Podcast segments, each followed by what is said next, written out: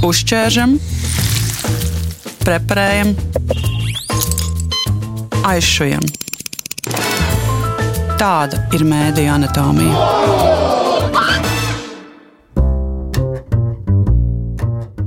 Kultūras ministrija un atsevišķi Nacionālās apvienības frakcijas deputāti ir iesnieguši priekšlikumu likuma grozījumiem pēc dažiem gadiem vairs nefinansēt sabiedrisko mēdīju saturu Krievu valodā. Tas nozīmē, piemēram, Latvijas radio 4 kanāla likvidēšanu. Atbildīgā saimnes komisijā šonadēļ gan nevienojās pašlaik šo priekšlikumu neskatīt. Par to, vai sabiedriskajiem medijiem ir jārada saturs arī Krievijas valodā, šonadēļ vērtīga diskusija ar atbildīgajām amatpersonām vadīja kolēģi no raidījuma kruspunktā. Jā, par šo jautājumu jums ir īpaši interese, tad aicinu to noklausīties. Šo diskusiju par to būt vai nebūt saturam Krievijas valodā arī sabiedriskajos mēdījos turpināsim šodien raidījumā Mēdīņa anatomija un šīs dienas raidījuma veidotāja Aizsdāca Krejere. Uz sarunu esmu aicinājusi divus savus kolēģus, žurnālistus, kuri ikdienā rada saturu Krievijas valodā. Un tātad šodien raidījumā Mēdīņa anatomijā esmu aicinājusi sarunu kolēģus, žurnālistu Viktoriju Tarenķevu, kurā ir pati strādājusi gan Latvijas radio, gan Latvijas televīzijā, bet šobrīd strādā kā žurnāliste raidorganizācijā Deutsche Welle. Sveika, Viktorija, vai vari īsumā pastāstīt par to, kas ir Deutsche Welle un ko tu tur dari? Sveiki, kolēģi! Um, jā, Deutsche Welle ir tāda daudz valodainā, ja tā drīkst pateikt, organizācija, kura jau aktīvi darbojas jau vairākus gadus desmitus. Un veido saturu gan video, gan audio, gan arī um, multimediālo saturu 30 valodās. Uh, tā skaitā valoda, kurā es strādāju, šobrīd ir krievu un angļu. Un jā, esmu šeit jau gandrīz uh, gadu. Pārvācos uz šejienes, lai kā, izmēģinātu kaut ko jaunu. Un, un tieši trāpīju kara kā, pašā sākumā. Un, līdz, līdz ar to tas darbs varbūt nedaudz ir sarežģījies, jo nāca klajā vēl papildus informācijas par to, kā, kā saturs tiek bloķēts Krievijā un arī Baltkrievijā. Līdzīgas problēmas, bet mēs cenšamies, mēs darām un cenšamies to informāciju aiznest līdz tam mūsu skatītājiem, kas atrodas apkārt pasaulē, tā izskaitā arī Krievijā. Jā, paldies, Viktorija. Un otrs mans sarunas biedrs ir Arthurs Grigorjevs. Sveiks, Artur! Tu strādā, veido saturu YouTube kanālam Igrianu Grem. Varbūt pastāsti par to, kas ir tavs raidījums, jūsu kanāls. Tad, ja runājot tieši par manu raidījumu, tad es to mūsu kanālu veidoju vairāk kā podkāstu veidīgo platformas veidā, ko mēs arī izliekam audio formātā. Tas ir vairāk tāds neformāls veids sarunā ar mūsu aicinātajiem viesiem. Bet kopumā mūsu kanāls tiek pozicionēts kā informatīvs, analītisks, Mēs uh, uzsākām šo darbību. Mēs, es un mani kolēģi, pamatā uh, Vatims Radionovs un Anna Lietuvna Grigorieva, viņi 2019. gadā uzsāka tā pamatīgi pieķerties savam projektam. Un, nu, līdz uh, jau četri gadi gandrīz ir pagājuši kopš tā sākuma, un kanāls ir izaudzis līdz pusmiljonam vairāk skatītāju. Pamatā vidēji mēnesī ir desmit miljoni skatījumu. Un, jā, protams, mūsu pamata auditorija ir krievalodīgie, jo mūsu kontents viss ir veidots uh, krievu valodā. Uh, un, protams, kā nekad uh, man liek, mums liekas, ka šobrīd mūsu žurnāls, tas ir darbs, ir ļoti svarīgs, ņemot vērā tās darbības, kas šobrīd notiek Ukrajinā. Un gribam, lai par mums arī zinātu mūsu tautieši Latvijā, jo mēs tomēr pozicionējam tomēr kā tāds Latvijas projekts, Jā, mēs arī vienmēr to eh, ļoti izceļam, parādām, ka šeit arī Latvija var veidot eh, tādu veidu projektu, kur var uh, satikties tieši cilvēki ar dažādiem viedokļiem un nonākt līdz kaut kāda kopsaucē. Vismaz mēs to cenšamies panākt. Jā, tas, kā tas iznāk vai nē, tas jau citi var spriest. Jā, un tas nav viegls darbs. Mums uh, raidījumi iznāk uh, ārā katru dienu. Šobrīd mēs jau pat uh, veidojam pa diviem raidījumiem dienā, kas nu, arī noteiktu slodzi mums dod. Bet mēs tomēr nu, zinām, un mums ir arī piemēri daudzi, kāpēc šo darbu ir jāturpina. to varēšu vēl turpmāk pastāstīt sīkāk. Un finansējums, kas jūs finansē, kam pateicoties jūs varat savu darbu darīt? Mēs uh, finansējam paši sevi. Galvenokārt tā būtu monetizācija, kas nāk no uh, nu, Google, ja, no YouTube. Tas ir arī pateicoties mūsu subscriberiem, kā saka, ja, angliski, vai uh, skatītājiem, kas ir parakstījušies uz kanālu un seko tam kontentam. Viņi arī var mūs atbalstīt. Jebkurā veidā mēs piedāvājam vai caur uh, ziedojumiem, ja, tas arī tiek ļoti atbalstīts. Nu, un arī mums ir daži granti projekti, kurus mēs realizējam kopā ar nu, citām institūcijām, kas piedāvā šādas iespējas. Jā, paldies, Artur, ka izstāstīji par savu mēdīju. Un, uh, lai turpinātu sarunu par tēmu vai sabiedriskiem mēdījiem, Latvijā ir jāveido saturs arī krievu valodā. Kā jūs redzat, vai tas ir stereotips, ja tā ir šobrīd uh, realitāte, ka Latvijas krievulodīgie grib mēdīs patērēt krievu valodā? Es nezinu, tikai krievu valodā. Man liekas, tas tāds uh, daudzšķaitņains jautājums, un mēs, uh, mēs redzam, ka jaunā paudze, kas, kura dzimusi pēc uh, neatkarības iegūšanas, uh, vai jau tagad dzimst un attīstās un aug, uh, Mēs redzam, ka tie cilvēki var patērēt uh, mēdījus jebkurā valodā, lai tā būtu angļu, vācu, krievu, latviešu. Tā nav problēma cilvēkiem. Daļa no tiem jauniešiem izvēlas varbūt patērēt mēdījus savā dzimtajā valodā, lai kāda tā arī būtu - ukrāņu, baltkrievu vai krievu. Bet uh, tā pašā laikā ir cilvēki, kuri uh, dažādu iemeslu dēļ, vai nu viņi varbūt uh, nemāķi uh, svešu valodu, vai varbūt viņi nemāķi uh, latviešu valodu. Viņiem ir iespēja patērēt produktus tajā valodā, kura bija aktīva un, uh, un aktuāla tad, kad viņi bija jauni. Piemēram. Realitāte ir tāda, ka šeit tā ir krievu valoda. Un tāpēc uh, atbildēt simtprocentīgi, ka ir konkrēta vēlme no cilvēkiem uh, saņemt uh, produktus uh, krieviski, nu, es tā nevarētu laikam, pateikt. Ir daļa sabiedrības, kas to gribētu. Un, uh, man liekas, ka tagad tā būtu tā daļa, senioru daļa, kas uh, ir, diemžēl, ir akūta vajadzība tos produktus patērēt. Vai nu viņiem ir uh, otra iespēja tikt pie tiem mēdījiem, kas strādā kaimiņu valstīs, uh, Tātad Baltkrievija vai Krievija, kuri uh, labprāt uh, paņems tos mūsu seniorus pie sevis un, uh, un informēs viņus savā gaumē, tā teikt. Jā, es piebildīšu, ka, manuprāt, pieprasījums būs vienmēr. Ja mēs skatāmies tieši uz Latviju, tad nu, tā vēsturiski ir gadījies, ka mums ir nu, diezgan pietiekami liela daļa krievalodīgo un arī nu, vispār cilvēki, kas saprot krievu valodu. Jā, bet, ja mēs piemēram runājam par, par tiem cilvēkiem, kuriem uh, krievu valoda ir dzimtā valoda, tad, respektīvi, mēs pieņemam, ka raidījumus un kontentu, ko viņi gribētu uztvert, būtu pieejama krievu valodā. Un, uh, nu, tāpēc viņi meklēs jebkurus veidus, kā to izdarīt, un jebkurus, kā teikt, jebkuras vietas, kur to var atrast. Ja, un manā skatījumā tas nebūtu ļoti liederīgi, teiksim, tā pavērstu uz viņiem muguru un uh, nocirst nost to iespēju saņemt informāciju Krievijas valodā no Latvijas mēdījiem.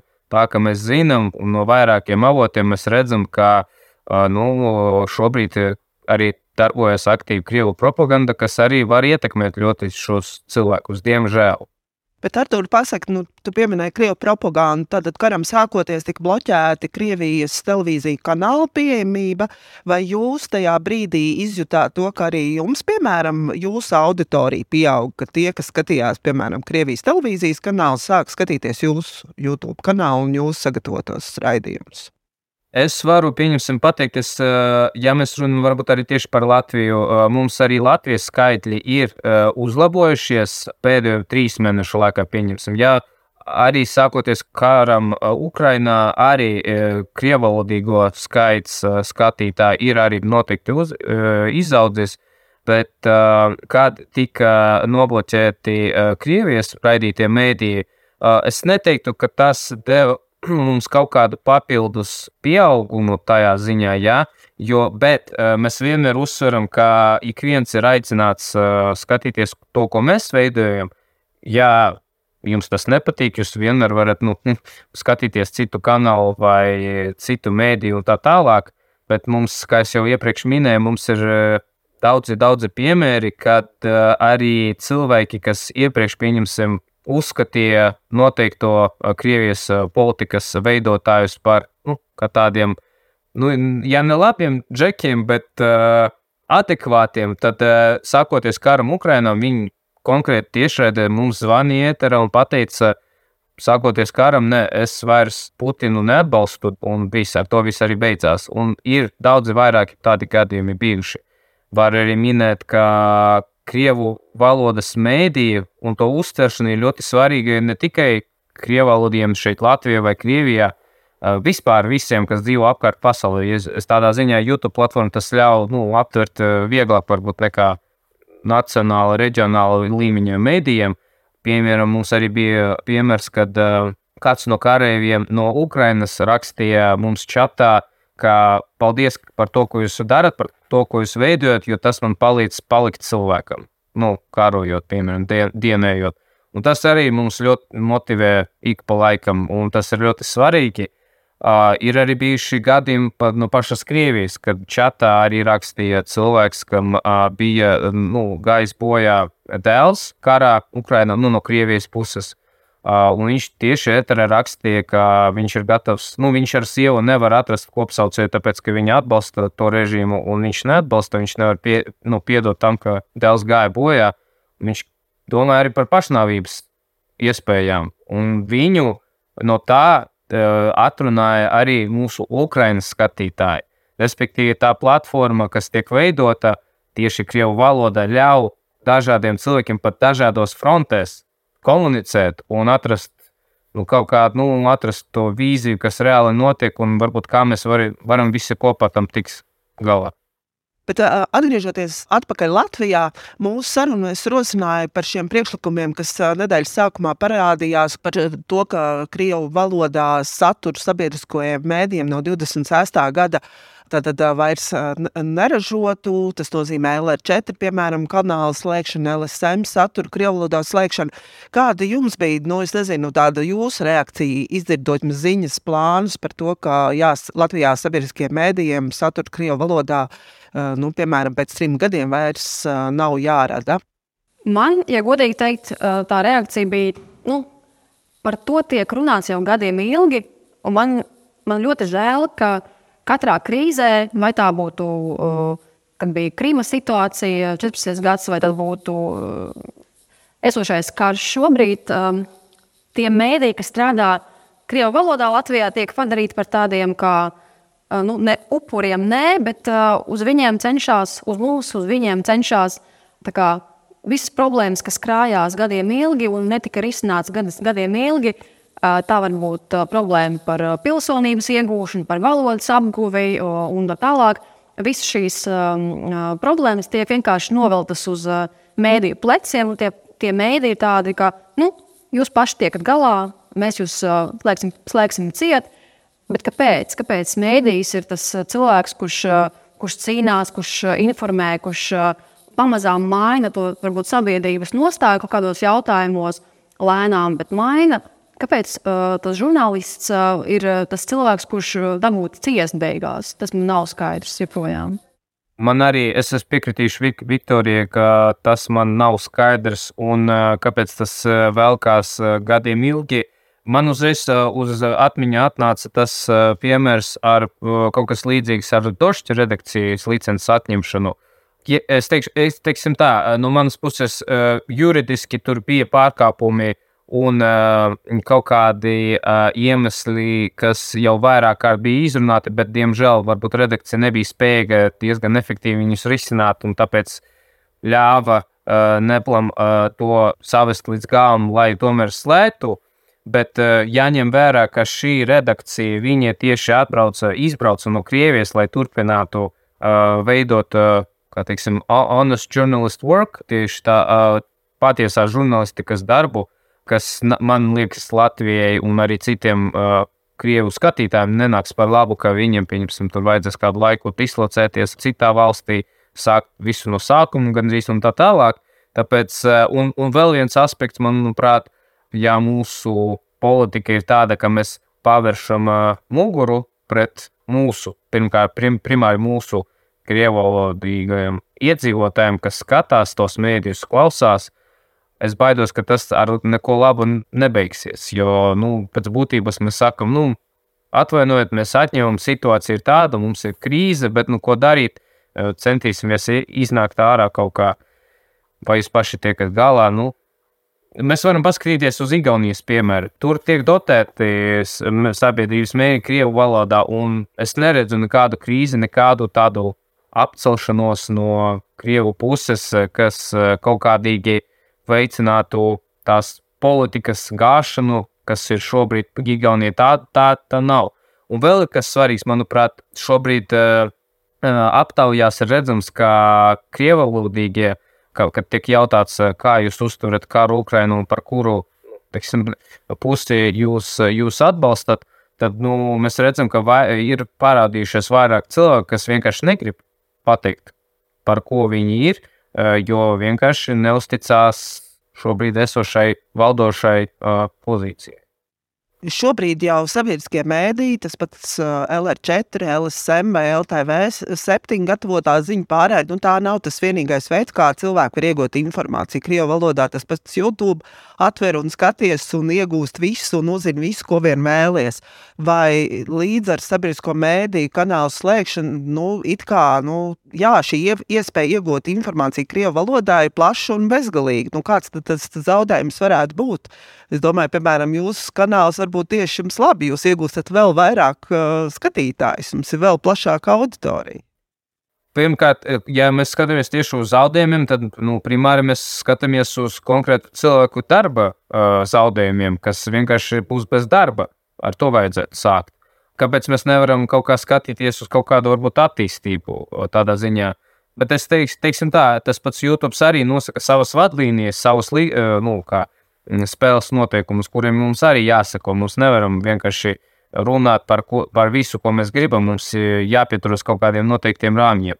Bet e, atgriežoties pie jautājuma par zudumiem, nu, tas ir konkrētu cilvēku zudumi primāri. Arī. Es šeit sadalītu to atbildi divās daļās. Pirmā daļa būtu par uh, to, ka sabiedriskajiem mēdījiem vienkārši jābūt kā, kā maize, kā ūdens, kā mēs elpojam. Jo ka ir Deutsche Welle, ir tagad Current Times uh, iegājis mūsu tirgu un ražo mēdīju produktus, kas domāti tieši reģionam. Bet uh, tie lielie spēlētāji nekad neziņos par kaut kādām mazām ziņām, kas ir tieši svarīgas uh, cilvēkam ikdienā. Un uh, lielais mēdījis nekad nestāstīs, uh, kāda ir vakcinēšanās procedūra cilvēkiem, kā viņam jāiet, kur viņam jādodas, kur viņi dabūtu informāciju, uh, kur viņi varētu to visu uzzināt. Un tas Deutsche Welle ziņos par kaut kādiem lieliem notikumiem, par politiskām uh, gaitām, par jautājumiem, kas varbūt tiešām skar ne tikai Latviju, bet arī reģionu kopumā, varbūt pat plašāk. Un, uh, ko tad darīt cilvēkam, kurš vēlas uzzināt kaut kādas mazākas lietas, kas nav, um, nav mazāk svarīgas nekā globālās attīstības kaut kādas. Un tas otrais tāds leņķis, ko gribētu pateikt, ir par konkurenci. Uh, Jo nu, tā konkurence Latvijas tirgu līdz varbūt pagājušā gada attīstībām visām bija diezgan tāda neliela, skarba. Nebija ar ko konkurēt. Tagad mēs redzam, ka ir, kā jau minēju, ir jauni spēlētāji iegājuši mūsu tirgu. Ir attīstība, un varbūt attīstība, ka cilvēki redz, kā strādā citi kolēģi, kādas tēmas viņi izvēlās, kā viņi tās tēmas pasniedz, um, kādus viesus aicina, un tā tālāk, un tā aizvien. Uh, Ja mēs vienkārši noņemam un kaut ko nogriežam, pārējie paliks, bet uh, ar ko viņi konkurēs, kā viņi attīstīsies. Un, uh, jā, tas trešais, es arī pie, piekritīšu Arthūram uh, par, par darba vietām. Varbūt tas darba vietas tas, tas ir svarīgi, bet tas nav tas pats svarīgākais tajā visā situācijā. Jo nu, tie pirmie divi aspekti, man liekas, ir svarīgāki par to informēšanu, sabiedrības informēšanu arī par to konkurenci. Es varbūt vēl pieminēšu, ka es, pat, nu, es pats esmu krievs, es nāku arī no krievu ģimenes. Un man ir arī pēc 24. februāra es arī, nu, teiksim tā, varēju vairāk ieskatīties uz to, ka tiešām uh, Latvijā, diemžēl, cilvēki dzīvo uh, divos, uh, teiksim, atsevišķos informatīvos laukos. Kādēļ tas ir noticis? Personiski manā viedoklī e, ir arī uh, vainojama uh, nu, uz pusi tā politika, kas tika realizēta, un daļai, protams, arī no pašiem cilvēkiem ir atkarīgs, cik labi, cik uh, viņi grib integrēties uh, nu, latviešu sabiedrību, latviešu informatīvā telpā. Manā skatījumā uh, tas ir svarīgi darīt, jo tu, nu, mēs visi te dzīvojam kopumā un tikai kopā mēs veidosim labāku sabiedrību, un tāpēc arī jāuzklausa viens otru. Bet, jā, nu, manā ģimenē, piemēram, ar vecākiem, man šajā nu, kara Ukraiņā aspektā grūti atrast kopīgo valodu, bet es nepadodos, es esmu tāds optimisms, un es domāju, ka es ceru, ka ar laiku tas nu, laiks visu parādīs, visu savā vietā nostādīs. Un, nu, jā, tādi, tādi gadījumi arī ir. Nu, jā, bet, ja mēs piemēram runājam par taviem vecākiem, vai koncepciju par informatīvās telpas drošību, un ka mēdīji varētu veidot saliedēto sabiedrību, bet tas pamats ir mēdīja latviešu valodā, vai nu, kā tu to redzi, cik tas ir reāli? Nu, jā, tieši tā. Manuprāt, ja mēs piedāvājam konkrētiem subjektiem, varbūt par maniem vecākiem runājot, arī parādot ar to, kā valsts ir gatava atbalstīt teiksim, tavas intereses pirmkārt. Jā, tādā arī veidā viņi parāda, ka viņi rūp par ko tu domā, kā tu domā. Nu, tāpēc man liekas, ir ļoti svarīgi, lai tie mēdī paliktu nu, arī krievu valodā, tieši priekš krievu valodā. Ja protams, ja mēs, mums jāzina, ka Latvija dzīvo ne tikai krievu valodā, minoritātes ir arī Baltkrievi, ir Ukraiņi, ir lietuvieši. Un, ir arī varbūt vērts par tiem padomāt, noteikti arī, protams, bet vienkārši nu, tā ir vēsturiski gājis, ka nu, krievlīgo procents ir nu, krietni lielāks, tā sagais. Un tāpēc, jā, vēlreiz atkārtošos, manā skatījumā šīs gājienas, šīs likuma projekta piedāvājums nu, nenesīs neko labu. Viņš tikai parādīs, ka tie skatītāji nu, neiz, neizdosies izveidot tādu saliedētāku sabiedrību. Nē, manuprāt, ne. Es varbūt pie, piemetīšu klāt, uh, tā kā es šeit jau gadu Vācijā atrodos un dzīvoju. Nu, mēs visi zinām, ka Vācija ir tāda liela valsts, kur dzīvo dažādas uh, tautības un uh, nāk no dažādām pasaules malām cilvēki, gan arī migranti, gan arī cilvēki, kas varbūt brauc šeit strādāt, meklēt labāku dzīvi. Bet um, skaidrs, ka šeit Vācijā uh, par pamatu tā integrācija ir tā, tā valoda. Un šeit neviens nerunās par to, ka kādai minoritātei varbūt jābūt atsevišķai skolai, atsevišķā valodā, vai, vai jābūt kaut kādām ekstra iespējām tikai tāpēc, ka cilvēkam ir savādāka un sava dzimta valoda. Jo šeit visi kā, sanāk kopā ap, ap vācu valodu, ap vācu kultūru un, un, un pat bērni, kas brauc tagad, uh, no Ukrainas vai no, no Krievijas, viņi, viņiem ir izvēle, ka saprot, iet uh, tā saucamās integrācijas klasēs, mācīties, uh, kur ir uh, ārzemnieki, vai arī, ja vācu valoda atļauj, tu vari iet mācīties uh, parastā skolā ar vācu bērniem. Bet tas, kas šeit piedāvā Deutsche Welle, piemēram, uh, ir tas, ka saturs tiek ražots, kā jau minēju, 300 valodās, tā skaitā arī Krievijas valodā tā ir ziņā arī tāpēc, lai valstī un, un, un valdībai ir tāds resurss un, un iespēja caur ko informēt cilvēkus par to, kā domā, kā attīstās, ko varbūt par notikumiem domā vācu eksperti, lai ir tas kanāls, lai, kur cilvēkiem, kuriem, kuriem ir interesi, lai viņi var ieslēgt to Deutsche Welle, angliski vai vāciski un saprast, kas notiek tajā valstī, kur eh, es dzīvoju, kur, būt, kur es gribu braukt, varbūt kādreiz dzīvot. Tas pats arī man liekas, man liekas ar, ir arī ar eh, pārējiem lieliem mēdījiem, kuri izmanto šo valodu kā tādu iespēju kanālu, informēt cilvēkus un varbūt pamazām, pamazām viņus virzīt kaut kādā, kādā gultnē, kas būtu eh, visiem mums pieņemama. Uh, Eh, te es nerunāju par kaut kādu kontrapropagandu, eh, kas varbūt kādam liksies, ka es tieši šo vārdu gribētu eh, tādu nosaukumu šim visam iedot. Tas nav tas, bet man liekas, ka mums ir svarīgi saprast, ka cilvēki, kas dzīvo Latvijā un kuriem ir kaut kāda cita svešvaloda, dzimtā valoda, ka viņam jābūt par tādu vērtību visai valstī, un mums ar viņiem ir jārunā Un, uh, tas būtu ļoti aplāmi tieši tagad, kad karš ir pat ne kaut kādā fināla fāzē, diemžēl. Uh, mēs vienkārši gribam atslēgt tos kanālus no tiem cilvēkiem un vienkārši pagrūst viņus kā rokās, Putina rokās, lai viņš uh, turpina tālāk viņus uh, skalot viņiem smadzenes. Diemžēl tas ir tas, kas bija noticis visus šos gadus. Un, uh, un nogriežot uh, mūsu kanālus, mūsu resursus, mēs tikai dodam tādu pēdējo spērienu tiem cilvēkiem mugurā klausoties kruspunktā kolēģu diskusiju, man likās interesanti, ka beigās arī amatpersonas atzina, jā, ka nu, ir šis Igaunijas piemērs. Nu, principā Latvija un Igaunija ir vienīgās Eiropas Savienības valsts, kur sabiedriskajiem mēdījiem ir, ir šis saturs Krievu valodā, un tad ir divi šie ceļi. Tātad Igaunija, kas iedod vēl papildus naudu, lai veidotu saturu Krievu valodā, un tad ir Latvijas nostāja, ka nu, mēs taisam ciet, un tad uh, ir informācija tikai latviešu valodā pieejama cilvēkiem. Un, uh, tas atzina, ka tas, nu, tas ir eksperiments. Un tad redzēs, vēl paies 10, 15 gadi, nu, kuram tad bija tā taisnība, nu, kurai valstī bija tā pareizā, pareizā izvēle.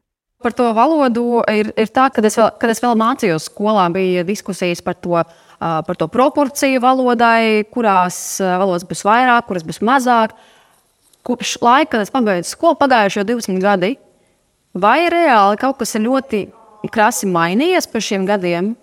Nē, manai klases biedrenei bērns iet pirmā klasē, un viņi man sūdzās un stāsta, ka viņam uh, matemātikas uzdevums jātais divās valodās. Un tā ir kaut kāda schizofrēnija. Tas, kā, tas nestrādā pašos sākumos, kaut arī par to tiek runāts gadiem ilgi.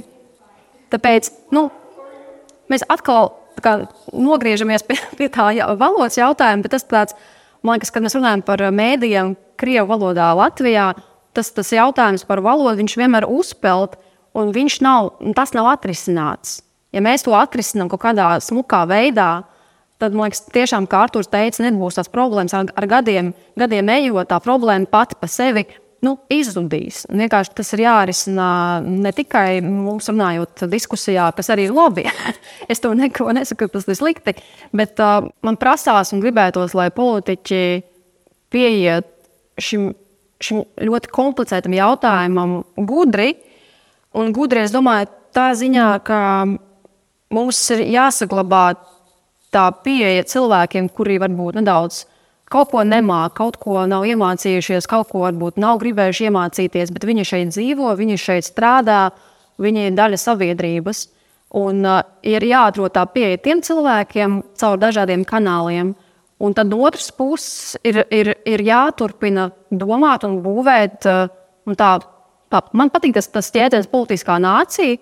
Man gribās, lai Latvijā tā politiskā nācija tiešām eksistē un ir ne tikai dokumentos vai, vai priekšrošana kampaņās, bet, bet reāli uz, vietas. Lai cilvēks, eh, kuram ir tās vērtības, eh, kuras ir līdzīgas kā kaimiņam, kas dzīvo tev blakus dzīvoklī, bet varbūt ir citādāka valoda, bet tas nav šķērslis foršai, labai dzīvei tajā teritorijā, kur mēs esam, esam piedzimuši un dzīvojam. Paldies par sarunu. Šodien raidījumā Mēdīņa anatomija saku Deutsche Welle žurnālistei Viktorijai Reņķevai un Arturam Grigorievam, raidījuma veidotājam YouTube kanālā Ikrianu Grēm. Mani sauc Dārsa Krejere, un mūsu sarunas pilno versiju var noklausīties savērtākā laikā Latvijas radio lietotnē vai raidierakstā. Paldies, ka klausījāties, un tiekamies jaunadēļ! Uzķēršam, preparējam, aizšujam. Tāda ir mēdīņa anatomija.